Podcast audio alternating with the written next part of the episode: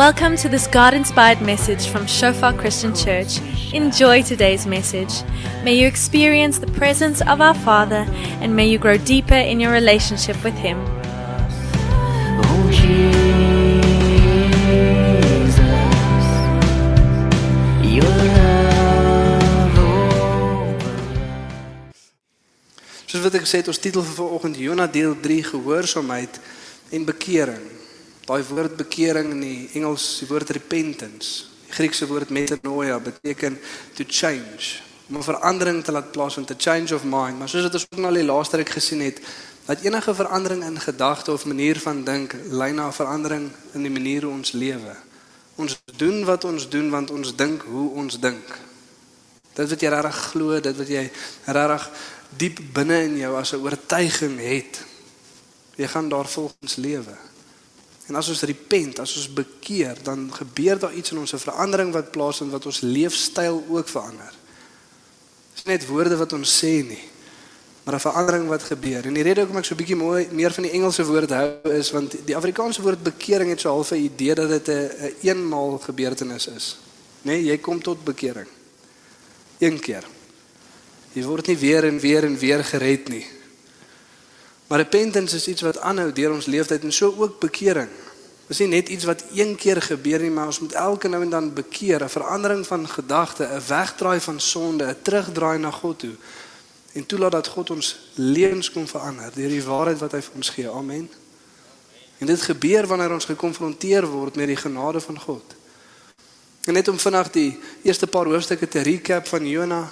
Ons het in die begin gekyk na Jona wat as profeet is en die woord van God kom na hom toe en sê hy moet gaan na die stad van Ninive toe en die stad gaan aanspreek want die stad se boosheid het voor die Here opgekom. The evil has arisen before me. En baie belangrik om te verstaan dat dit is hoe die boek begin. 'n Heilige God wat bewus word van mense se boosheid wat voor sy aansig opkom en oordeel gaan plaasvind as dan belydenis gebeur nie. Maar dan sien ons in plaas van Jona wat opstaan, klaar maak en na Ninive toe gaan, maak Jona homself klaar om na Tarsus toe te vlug weg van die Here af. En in plaas van Jona wat 'n raai soos wat die Engelse woord sal sê, klaar sal maak, opstaan en nader aan God beweeg in gehoorsaamheid, beweeg hy al hoe verder en af in ongehoorsaamheid. Af na Joppa, af in die skip, af na die onderste deel van die skip, af in die see en af in die vis. En ons leer dat ons ongehoorsaamheid sal lei tot die dood. Ons kan nie aanhou aan God ongehoorsaam wees nie. Dit lei na die dood. En ons het ook gesien dat ons ongehoorsaamheid die mense om ons iets sal kos. Die matrose wat saam met Jonah op die skip was, het hulle vrag verloor. Maar soewereine God tree nog steeds in en hy doen wat hy wil doen en die mense eindig op om hierdie God te aanbid. Soewereine liefdevolle God wat nog steeds sy doel bewerkstellig. Ons het ook gesien dat ons ongehoorsaamheid veroorsaak onnodige storms in ons lewens. Daar's klaar moeilike tye, daar's klaar goed wat ons gaan deurgaan net omdat ons God volg want hy kom toets. En hy kom beproef sodat egtheid van geloof gekweek kan word. Maar die vraag wat ons ook stil gestaan het in deel 1 is in vers 6 waar die kaptein na Jona toe kom en sê wat is dit met jou dat jy lê en slaap? Staan op en bid tot jou God. En ons het gesien dat die hartse realiteit is dat dit is die hart van Israel in geheel en ook van die kerk in geheel. Dat wanneer dit kom by hierdie opdrag om na die wêreld toe te gaan en die wêreld te gaan bereik en lig en sout te wees vir die wêreld dan lê ons en slaap. Ons is passief. Dis iets waarmee ons sukkel, dis iets wat nie natuurlik kom nie. En soos ons gesien het, dit is omdat ons nie opstaan en bid tot ons God nie. In twee maniere. Eerstens ons lewe nie in 'n intieme verhouding met God nie. Ons ken nie God soos wat ons veronderstel is om te ken nie. In realiteit, ons het stories van God gehoor al. Ons verstaan dat God ander mense red en ander goed in hulle lewe doen. Maar ons ken God baie keer nie so self nie. En is moeilik dan om te gaan evangeliseer want hoe vertel mens die wêreld van iemand wat ons ook nie regtig self ken nie? Dis moeilik. En die vraag wat ons onsself moet vra is: ken jy God? Nie weet jy van God nie, maar ken jy God? Lewe jy in intimiteit met die Here? Hoe lyk jou gebedslewe? Hoe ervaar jy die leiding van die Here? En tweedens ook omdat ons nie goed gereeld vra om vir ons hart te gee vir die nasies daar buite nie. Soos wat Jesus gedeel het in Matteus 9. Die oes is groot, die arbeiders min. So wat is die uiteinde van die saak? Bid.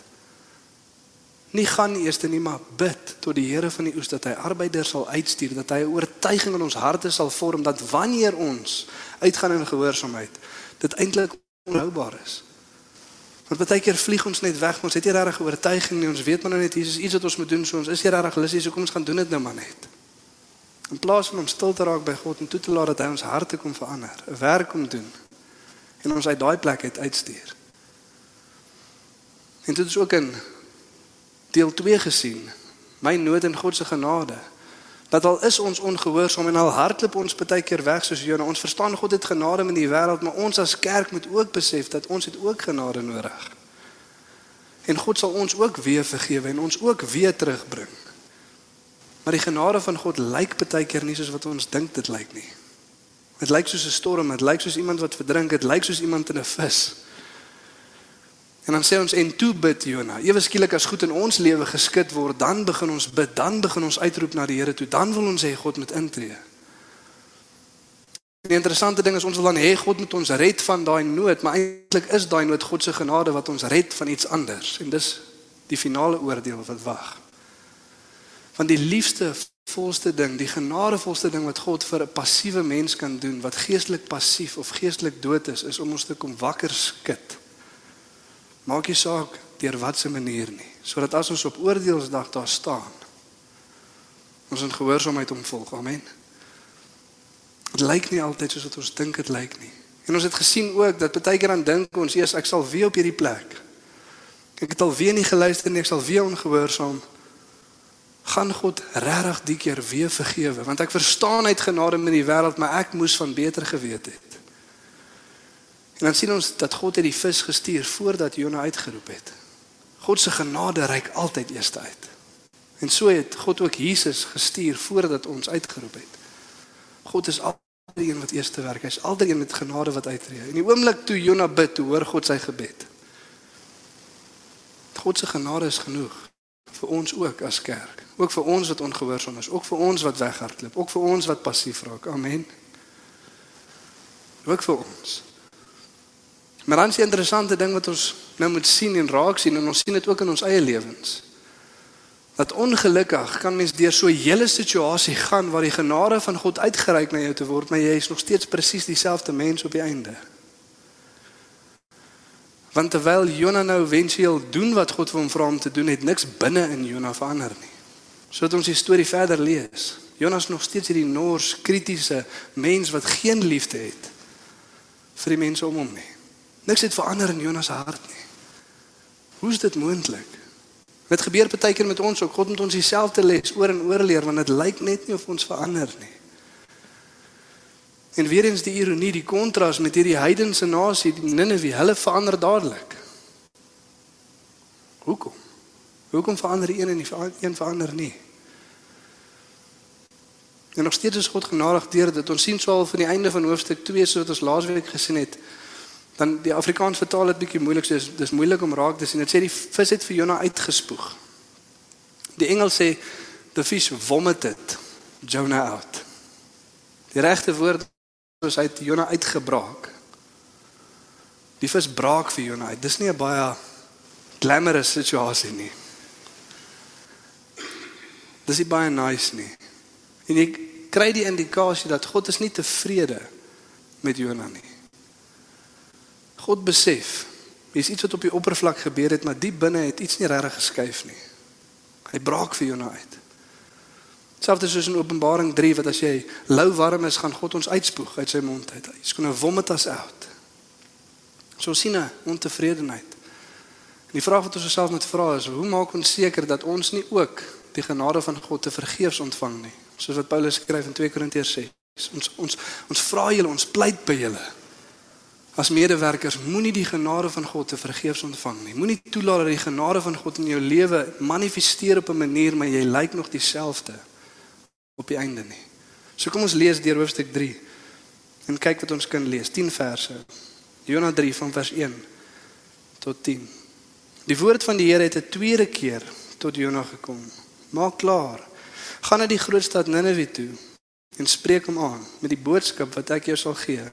Toe maak Jona klaar en gaan na Ninive toe, soos die Here hom beveel het. Ninive was 'n baie groot stad. 'n Mens het 3 dae gevat om dit deur te stap. Nou vir die letterlike mense wat geskiedenis ken, as jy net soos nee, dit maak nie sin nie. Die stad is seker op meeste 10 km breed. Hoe gaan dit 3 dae vat om deur te stap? En ons ken 'n paar onfikse mense, ek meen selfs hulle sal dit 'n bietjie vinniger doen as 3 dae. Maar die administratiewe area van Ninive en die dorpies om dit of die klein villages om dit, ek weet nie wat noem mense dit in Afrikaans, is dit maar nedersetting of wat noem mense dit. Maar die dorpies om dit was tussen 60 en 90 km. So dit is 'n bietjie bietjie langer om om deur te loop as 10 km. Maar nietemin. Jona het die stad ingegaan en 'n dag daar rondgestap en toe roep hy: "Nog net 40 dae Ninive word verwoes." Die mense van Ninive het toe in God geglo en hulle het 'n dag aangekondig om te vas. Groot en klein het rouklere aangetrek. Die berig het ook by die koning van Ninive uitgekom. Hy het van sy troon af opgestaan en sy koningsklere uitgetrek, rouklere aangetrek en op 'n ashoop gaan sit. Hy het in Ninive laat proklameer: "Die koning en raadgewers beveel dat mens en dier, groot vee en klein vee aan niks mag proe nie, dat hulle niks mag eet nie en nie water mag drink nie. Mens en dier moet rouklere aan hê en die mense moet ernstig tot God roep en hulle van hulle verkeerde dade bekeer en berou hê oor die geweld wat hulle gepleeg het. Miskien sal God van plan verander en nie meer kwaad wees nie. Dan sal ons nie omkom nie. Toe God sien wat hulle doen en hoe hulle bekeer van hulle verkeerde dade, het hy afgesien van die ramp wat hy gesê het hy oor hulle sal bring. Hy het nie die ramp gestuur nie. Interessante stuk skrif en ek onthou toe ons 'n paar jaar terug ook deur so 'n paar stukkies van Jona gewerk het, is die eerste ding wat my kop vashak Jy weet dan dit was ook na die tyd van COVID en ons regering het ook sekere besluite gemaak en maatreëls in plek gesit. En op 'n dan wonder ons hoe gaan dit werk? Ek ek kan nie lekker sien hoe daai moontlik is nie, maar nou sien ek dis iets waarmee regerings maar in geheel gesukkel het want ek lees deur hierdie storie en ek dink mens en dier moet rouklere aan hê. Ek sê hoe hoe werk dit? Hoe maak jy in 40 dae vir al jou beeste jassies? Ek ek weet nie. Jy vat die skaap, jy skeer die skaap, maak met sy eie wol vir my jas en sit hom aan. Kan hy nie maar net sy wol aangehou het nie? Verstaan hoe lyk hoe lyk hierdie roukleed? Of mens en dier mag niks eet of water drink nie. Hoe gaan jy dit regkry? Hoe gaan die beeste, hoe gaan jy die beeste keer? Ek kan dink half die herders is net soos Ja. OK. Hier gaan ons. So ons het genade met ons regering ook wat sekere besluite maak vir alles wat 'n eerste keer is.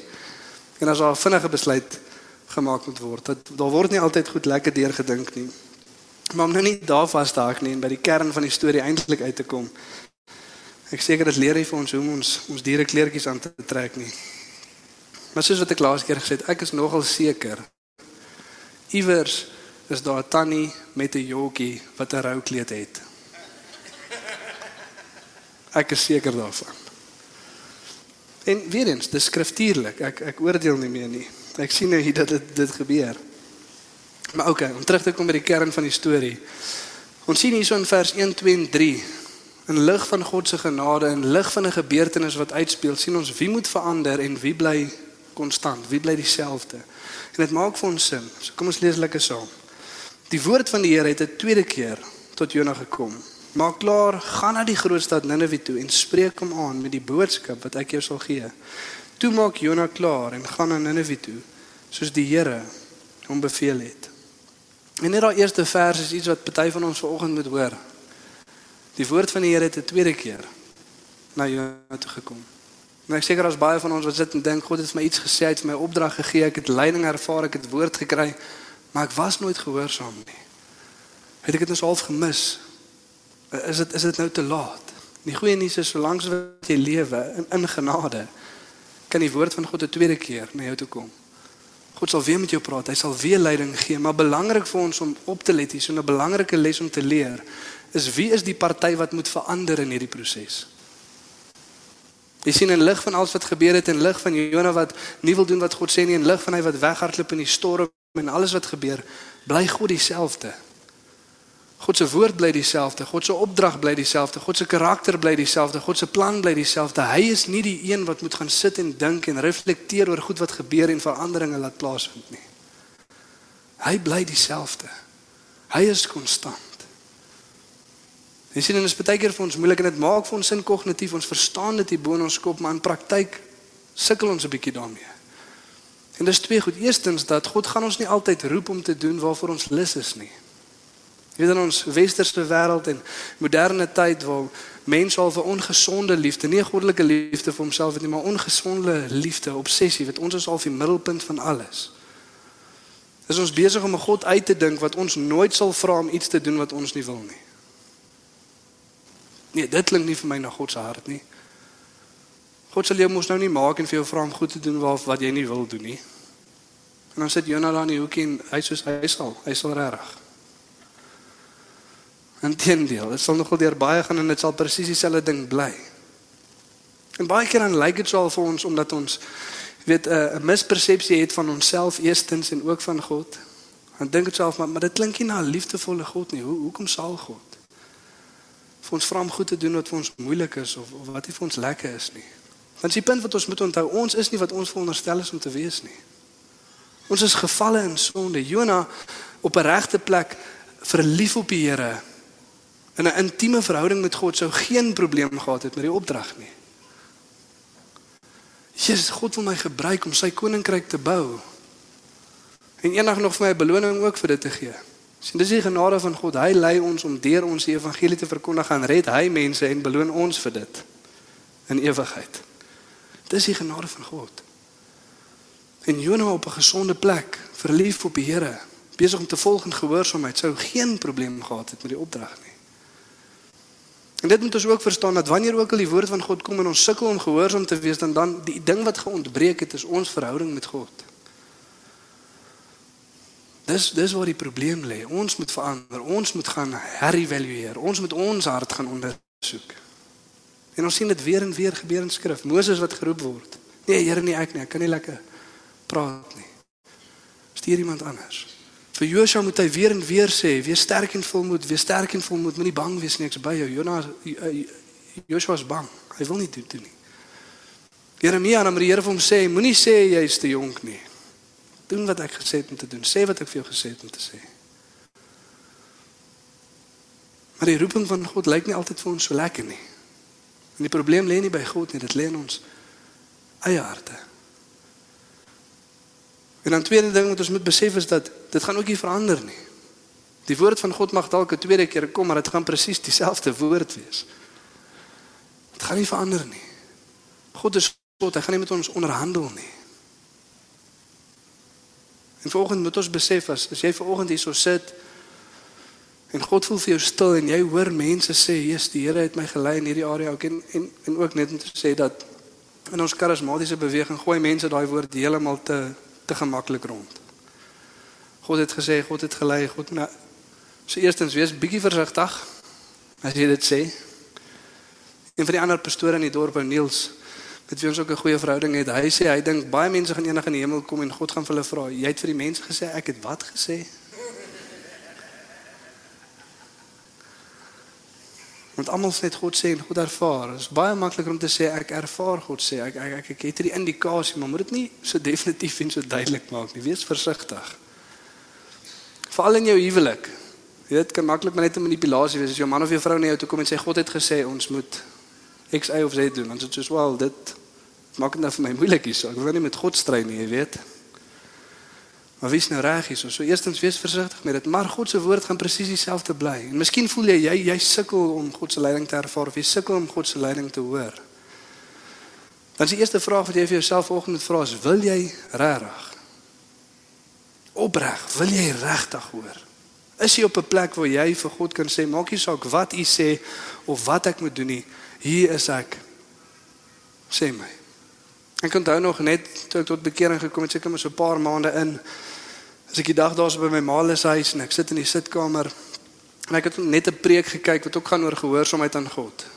En ons moet bereid wees om vir God te sê wat ook al, wanneer ook al ek sê ja. En ek maak myself reg om hierdie gebed te bid. Ek's nog nie eens deur die eerste lyn van my gebed nie. Ek het nog nie eens dit klaar gesê nie. Daar ervaar ek God sê vir my dat ek moet alles wat in my verlede gebeur het, die kere wat ek gejok en goed gedoen het vir my ouers gaan vertel. Staan op gebed klaar, ek soos wou Here wag.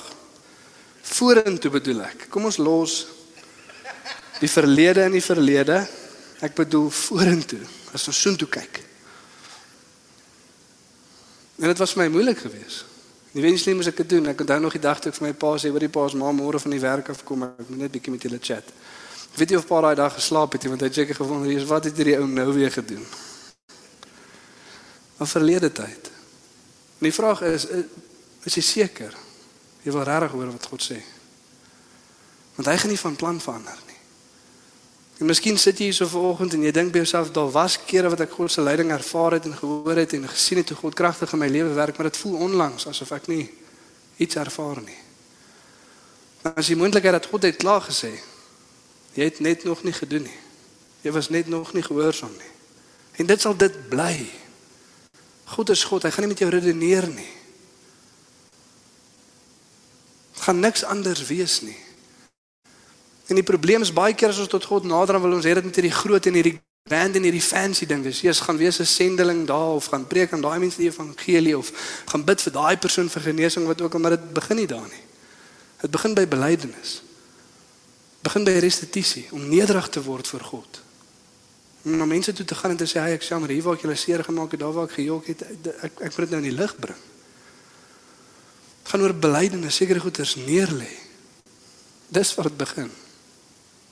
Dan kom dit eventually by die ander goeders uit. Maar die vraag wat ons osself moet vra is, wil ons regtig hoor? Is jy regtig bereidwillig om vir God te sê, Here, enigiets? Sê vir my en ek doen dit.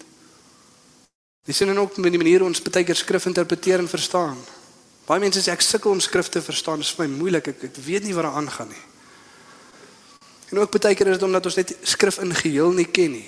Hoe meer skrif ons ken, hoe makliker verstaan ons sekere dele van skrif, want skrif interpreteer skrif. Die kleiner dele maak meer sin in lig van die groter prentjie. Amen.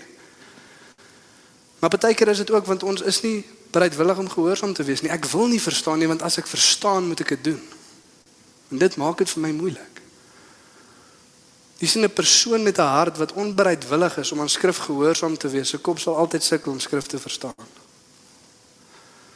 Ons moet skrif benader met 'n hart bereidwillig om gehoorsaam te wees. Maak nie saak wat God sê nie. Maar die oomblik as ek nie op daai plek is nie en dit maak saak wat God sê, dan gaan ek dit op 'n sekere manier lees en interpreteer. En daai ding wat ek nie wil hê God moet sê nie, gaan ek moeilik raak sien. Amen. Dit gaan vir my nie lekker wees om gekonfronteer te word met daai realiteit nie. Maar ons moet bereidwillig wees om te hoor wat God sê. Want jy sien ons sien hierso in vers 3 toe maak Jona klaar en gaan na Nineve toe. In kontras met hoofstuk 1 vers 3 wat sê maar kontras maar Jona het klaar gemaak om na Tarsus toe te vlug, weg van die Here af. Die woord van God bly dieselfde. Jona is een wat moes verander.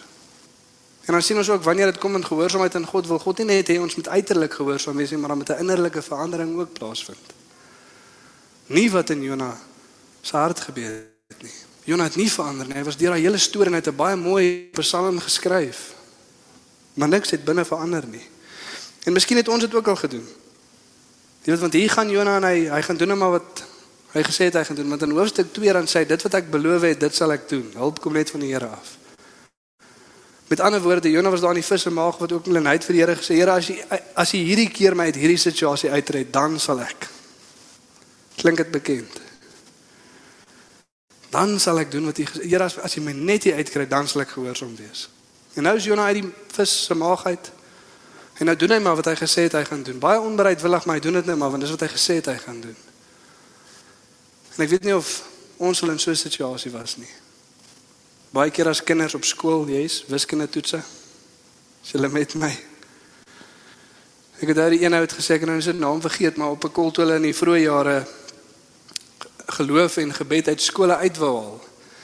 Het hy gesê solank as wat daar wiskunde toetse in skole is, sal daar gebed in skole wees.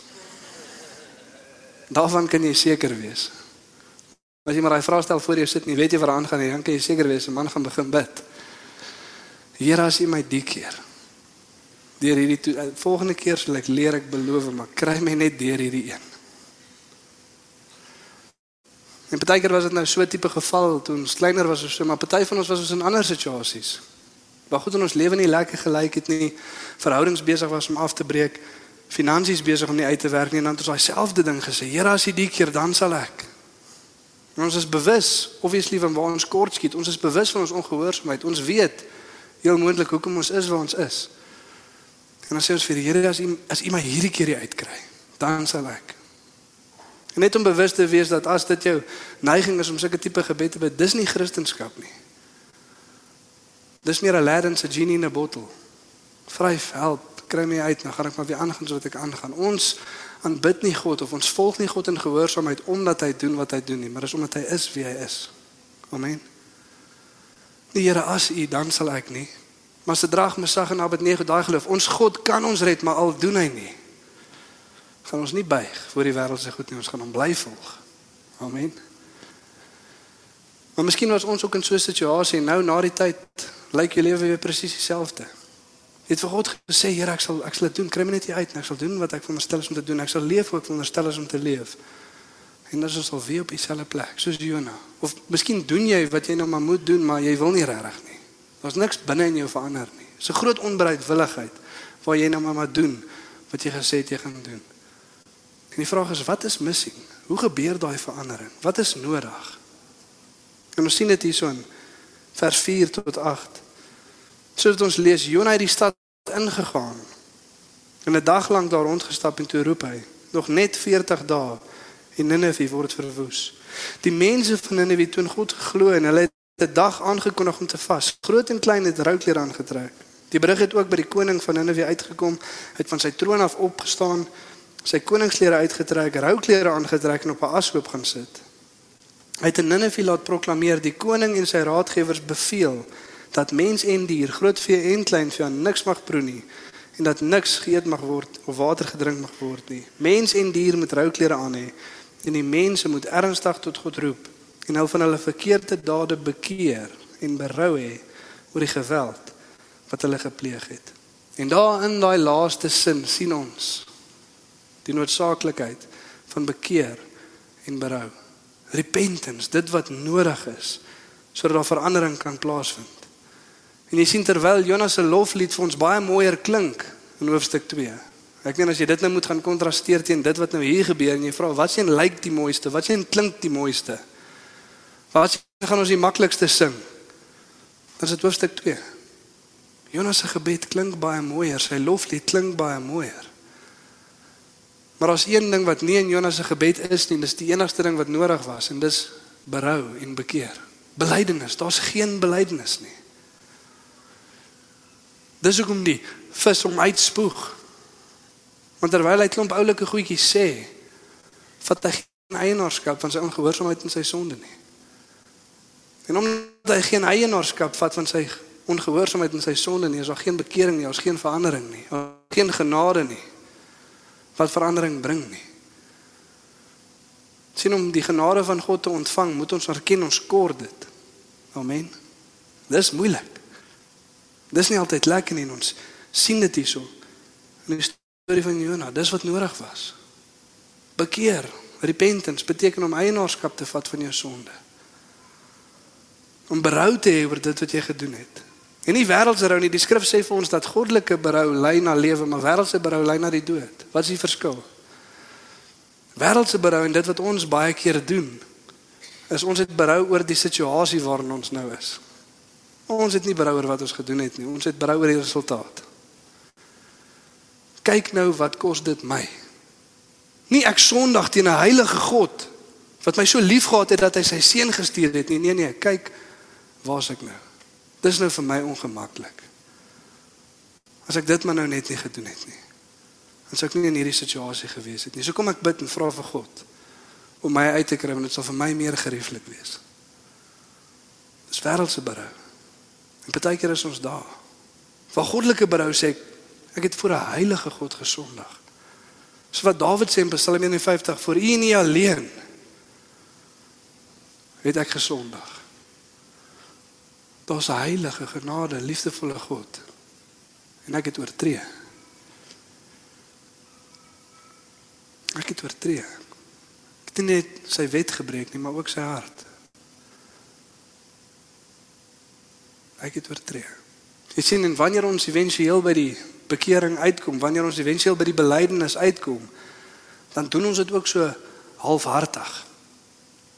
Ons sit so al vir gatvel in. Jy weet as jy nou weet jy gaan pak slaag kry. Môre het meneer Attie gesê ons gaan 'n bietjie deurloop, dan trek jy 5 onderbroeke aan. As jy weet jou baas nou lekker kwaad, hier gaan dinge nou rof raak en kyk jy maar wat jy in jou broek kan indruk sodat hy hou net nie so lekker hard val nie. En ons doen dit met ons belydenis. Hoe doen ons dit?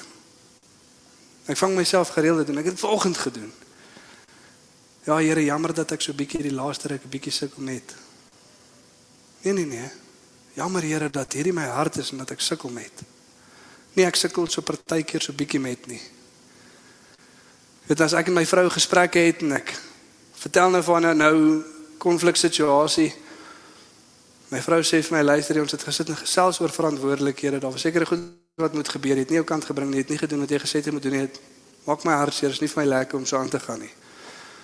Nou gesit ek voor my vrou en nou sê ek jy's jam, jammer my liefie. Ek weet ek sukkel partykeer so bietjie met.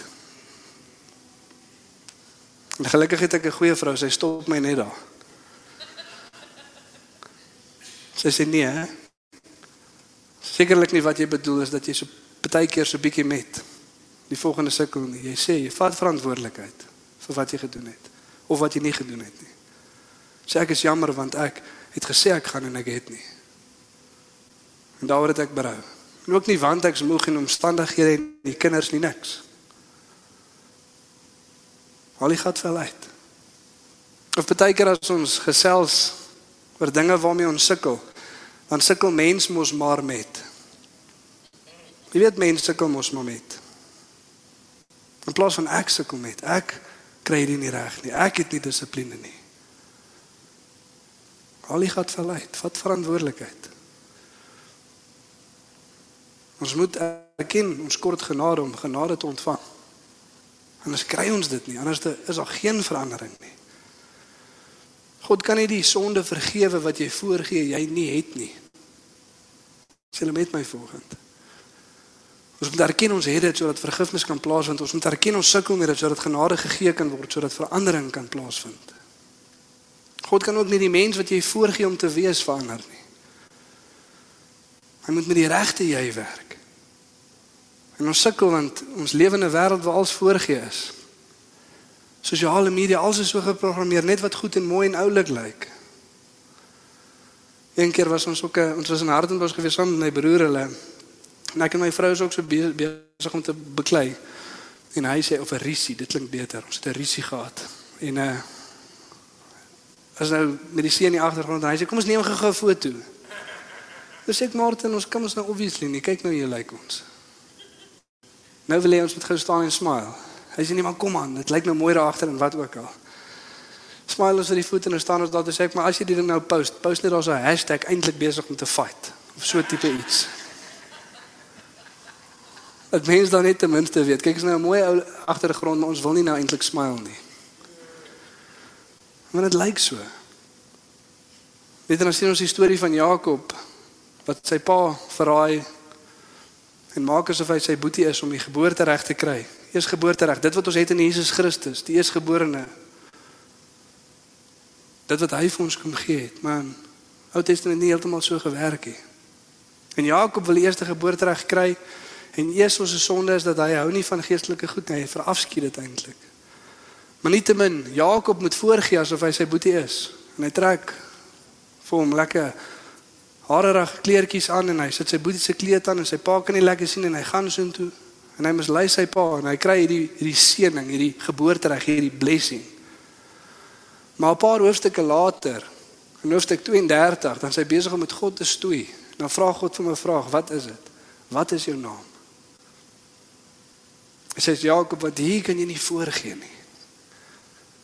Met my kan jy nie doen wat jy met jou pa gedoen het nie. Hierso as jy die blessing wil hê, want hy het gesê, ek gaan jou nie laat gaan totdat jy my seën nie. Maar wat is jou naam? Wie is jy? Want hier is daar nie voorgee nie. Hier moet die regte jy na vorentoe kom as ons wil werk. Nie die voorgee jy nie. En die surprising ding is God weet klaar. Hy weet. Hy wonder nie.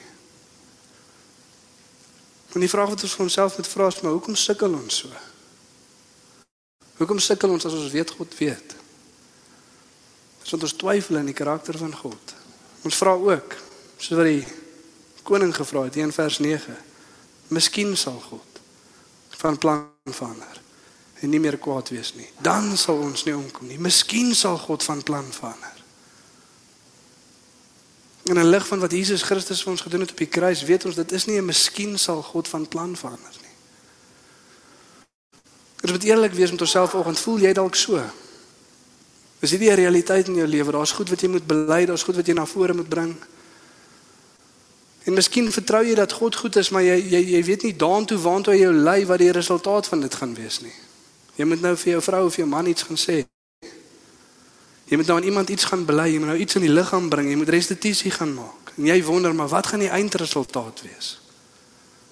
Gaan dit 'n goeie ding wees? Ek ek weet nie. Vertrou God. Hy's 'n goeie Vader wat goeie goed wil doen in jou lewe. Maar ongehoorsaamheid sal lei tot die dood. Gehoorsaamheid lei na lewe. Hy wil goeie goed in jou lewe kom bewerkstellig. Gaan dit ongemaklik wees? Ja. Gaan jy trots daarvan hou? Nee. Maar gaan dit goed vir jou wees? Amen. Laat toe dat God se lig op jou skyn, laat toe dat genade ontvang word. Maar so kan ons hier aangaan en jy kan vir die res van jou lewe bid. Jy kan vir die res van jou lewe bid. Dit kom by die goed wat God vir my gesê het om te doen. Maak nie saak, jy kan vir weke en maande lank vas en bid en maak net wat jy wil. God se woord gaan weer kom, maar dit gaan dieselfde woord wees. Dit gaan nie verander nie. Gaan nie van plan verander nie. Dit dit. 'n Goeie God wil goeie goed kom doen en party van ons is weer aan die ander kant van die situasie. God is mos genadig. Wat is die wat is die wat is die punt dan van belydenis maak? Wat is die punt dan van hierdie goed voor God bring? Wat is die punt van wegdraai van sonde? God gaan ons vergewe. Jesus het mos vir ons kom sterf. En dan verstaan ons die ander kant van die karakter van God ook verkeerd. God is genadig en hy is 'n liefdevolle God, maar dis 'n heilige genade, dis 'n heilige liefde. Ons lees in Romeine 2 dieselfde skrif wat Kaal vanoggend gedeel het. Romeine 2 vers 4 en 5. God is ryk in goedheid, verdraagsaamheid en geduld. Sê dit vir jou niks nie. Besef jy nie dat God jou deur sy goedheid tot bekering wil lei nie? Maar deur jou verharding en jou onbekeerlike hart is jy besig om vir jouself straf op te gaar vir die oordeelsdag. Wanneer God sy regverdige oordeel sal uitspreek. Besef jy nie dat God se goedheid en God se genade is nie veronderstel om jou te lei om aan te hou sondig nie, maar is veronderstel om jou te lei na bekering. En as jy gaan aanhou deur jou verharding van hart, stoor jy vir jouself straf op, wraak. Nou as al goeders is wat jy wil opstoor is die nie een nie. Glo my. Maar oordeel gaan kom. Handelinge 17:31 wat ons laas keer ook genoem het. God wat sê dat die tyd van onkunde is verby. Maar hy beveel nou dat almal oral hulle self bekeer want hy het 'n dag gekies wat hy hierdie wêreld in geregtigheid gaan oordeel deur 'n man en daarvan het hy sekerheid gegee deur hom uit die dood uit op te wek. Sien as die oordeelsdag aanbreek, gaan jy of gedek word deur Jesus of geoordeel word deur hom. Heilige, liefdevolle God, albei. Maar die oordeelsdag gaan kom. En dan sien ons ook hier so 40 dae. Hoekom 40 dae? Die tyd van volmaaktheid, selfs soos Israel in die woestyn, 40 jaar lank in die woestyn. En die skrif leer ons as ons gaan aangaan in ongehoorsaamheid, En as ons nie eienaarskap gaan vat en bekeer van ons sonde nie, sal ons die beloofde land nie ingaan nie. Net soos die Israeliete sal die beloofde land nie ingaan nie. Ons moet bekeer. Maar God se hart teenoor ons weer eens uitgebeeld in vers 10. Ek sluit vir ons af met dit. Johannes 3 vers 10 en Lukas 24 vers 47. Toe God sien wat hulle doen en hoe hulle hulle bekeer van hulle verkeerde dade, het hy afgesien van die ramp wat hy gesê het hy oor hulle sal bring. En in sy naam moet bekering en vergifnis van sondes aan al die nasies verkondig word van Jerusalem af en verder. Bekering en vergifnis. Ja, daar's 'n heilige God en ons sondes het voor hom opgekom, maar as ons bekeer, sal hy vergewe. Want ons vergifnis van sondes in die naam van Jesus Christus. Wie sien die verskil tussen Jona en Jesus? As Jona moes na 'n ander dorp toe gaan en hy het vir een dag daar rondgestap en 'n vinnige boodskap half verkondig en toe buite op die heuwel gaan sit soos wat ons lees in hoofstuk 4. Maar Jesus het gekom. Johannes 1 vers 14 lees ons die woord het vlees geword en hy het by ons kom woon. Hy het nie 'n dag afgekom en vinnig vir ons gesê dat hy ons gaan straf as ons onsself nie uitsort nie. Nee, hy het vlees geword en by ons kom woon en ons het sy heerlikheid aanskou soos die enigste seun van die Vader, vol genade en waarheid. Vol genade en waarheid. Bekering en vergifnis. Sodat ons slagspreekers van die kerk die hele evangelie vir die hele wêreld. Nie 'n halwe evangelie nie, nie 'n halwe boodskap nie. Jonah het geweet dat God vergewe. Hy het geweet God is genadig. Maar nie 'n halwe boodskap nie. Ons lees in Spreuke 28 vers 13: Die een wie sy sonde bedek, kan niks goeds verwag nie. Maar hy wat sy sonde bely en laat staan, sal genade ontvang. Bely en laat staan sal genade ontvang. En weet volgens te dank aan Jesus Christus se offer op die kruis. Jy hoef nie te vra soos die koning as ek bely, sal God miskien nie. Hy sal. 1 Johannes 1 vers 8 sê dat die een wat hy het nie sonde nie, bedrieg homself en die waarheid is nie in hom nie. As jy vanoggend hier sit nie, het niks om van te bely nie, wees verseker dat jy iewers 'n verkeerde persepsie het van jouself. Die waarheid van God is nie in jou nie. As jy dink jy het niks om oor te bely nie, kan jy begin bely by hoogmoed. Amen. Maar vers 9 sê dat as ons ons sonde bely, is hy regverdig en getrou om ons ons sonde te vergewe en ons van alle ongeregtigheid te reinig. Hy sal te dank aan Jesus Christus se werk op die kruis. Amen. Kom ons staan volgende dan. Bid ons saam.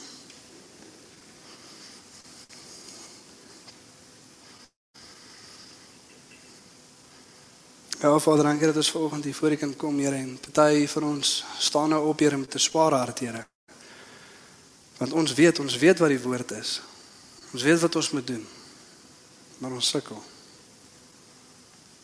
En vir elke liewe een van ons wat vanoggend so voel, Here, kom bid ek dat U genade, Here, oorvloedig sal wees, Here. En dat ons die genade nie te vergeef sal ontvang nie. As jy daar weer staan as jou hart klop en jy vra jouself die vraag, moet ek dit nou doen? Wat gaan die reaksie wees? Wat gaan die eindresultaat wees? Ek weet nie of ek wil nie. As dit jy is daar weer staan, lig op jou stem na God en begin bid. Bring dit voor die Here. Hy weet hoe jy voel. Hy weet waar jy gaan. Bring dit voor hom. Vra die vraag, sê vir hom, Here, ek weet nie hoe dit gaan uitdraai nie. Ek weet nie hoe hy of sy gaan reageer nie. Ek ek weet nie wat gaan gebeur nie. Maar lei my, Here. Vra vir God om jou te lei, maar wees gehoorsaam. Wees gehoorsaam en bely daai ongehoorsaamheid voor hom. As party van ons wat hier staan vanoggend en dit nog in jou lewe nooit die leiding van God ervaar nie. Jy weet nie wat dit beteken om te hoor God het my gelei in 'n sekere rigting of ek ervaar God sê of iets het vir my uitgestaan of iets het gebeur nie. Skrif sê in Johannes 10, hy is 'n goeie herder en sy skape hoor sy stem. As jy een van twee goed jy moet jouself vanoggend vra as jy regtig een van sy skape, het jy gedraai na God toe, het jy geloof in hom gesit, het jy uitgeroep na hom toe. As jy nog nooit het jy net alweer staan vanoggend roep uit na God toe. As jy nie weet wat om te sê nie, sê dit direk, ek weet nie eens wat om te sê nie, ek weet nie waar om te begin nie. Maar hier is ek, Here, kom red my. Kom vul my met die Gees, kom gee lewe. En wat ook al God op jou hart lê, as hy sekere goed begin ontbloot, bly daai goed voor God, draai weg van dit af. Dit lei na die dood. As jy volgens hier staan in jou hartklop en jy weet nie of jy regtig God wil hoor nie. Jy is bang vir wat dalk gesê mag word. Here waar jy staan, lig op jou stem na God. Sê dit vir die Here. Sê Here, ek is bang, ek is onseker, ek weet nie wat gaan gebeur nie. Maar wees gehoorsaam vir die karakter van God. Ons volg nie God omdat hy wat ons hoor of doen wat ons wil hê. Ons volg God want hy is wie hy is, heilige, goeie, liefdevolle Vader. Sy gegee het sodat ons hom kan ken.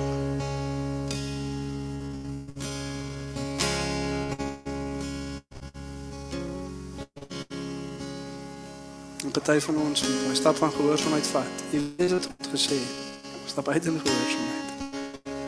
Maar wat ook al die volgende doen, moenie net hier staan volgende. Die ryk uit begin bid. Al weet jy nie wat om te sê nie. Begin net iets sê. Ja, Here, dankie vir gebede, Vader, wat opgaan in hierdie plek vanoggend, Here. Vir ons sekere harte, Here. Maar soos die woord sterk deurgekom het, Vader, van die lofprysing na die bediening na die tyd, Vader, na die preek wat gegee is, Here. Wie wil kom vrymaak? Wie wil kom losmaak? Ek wil Vader volgens spesifiek iemand wat jy sukkel met 'n sekere sonde. God het vir jou gesê moet dit aan iemand gaan bely of met 'n broer of suster deel of jou man of jou vrou hoe ook al. God het gesê daai ding in die lig.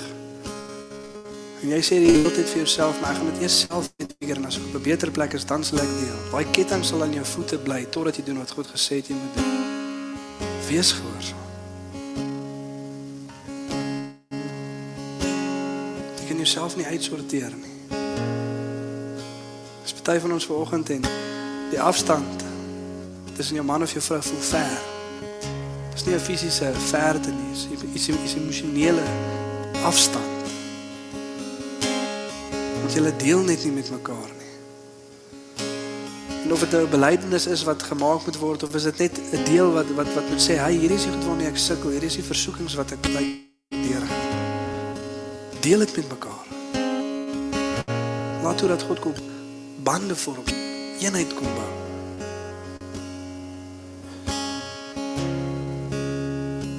Mens party van ons God druk daai mens op jou hart. As iemand wat jy moet uitreik. As iemand wat jy moet bel. Wat is om vergifnis te vra of dit is om vir hulle te sê hy daai het my seer gemaak. Weet nie hoe om dit te deel nie. Wees vinnig om gehoorsaam te wees. Jou ongehoorsaamheid gaan lei na die dood. Van storms veroorsaak wat ongerieflik is in jou lewe en in die lewe van die om jou. Volg God en gehoorsaamheid. Ja Here, dankie vir die gebede wat opgaan volgens Vader. Dankie vir die genade Here wat uitgegiet en uitgestort word volgens Vader. En wat 'n ding Here as ons vanoggend hier uitry en ons is nog steeds presies dieselfde. As U vir ons genade gegee het en 'n geleentheid geskep het Vader waar verandering kan plaasvind. Mag ons anders hier uitstap volgende Here. Dankie vir U goedheid, dankie Jesus vir U werk aan die kruis. En ons erken Here eers vir onsself en in onsself Here bekering van sondes wegdraai. Maar ook vergifnis van sondes in die naam van Jesus Christus ons Here. Maar dan ook deur ons Here. Mag ons die volle evangelie aan die hele wêreld kan verkondig. In Jesus naam.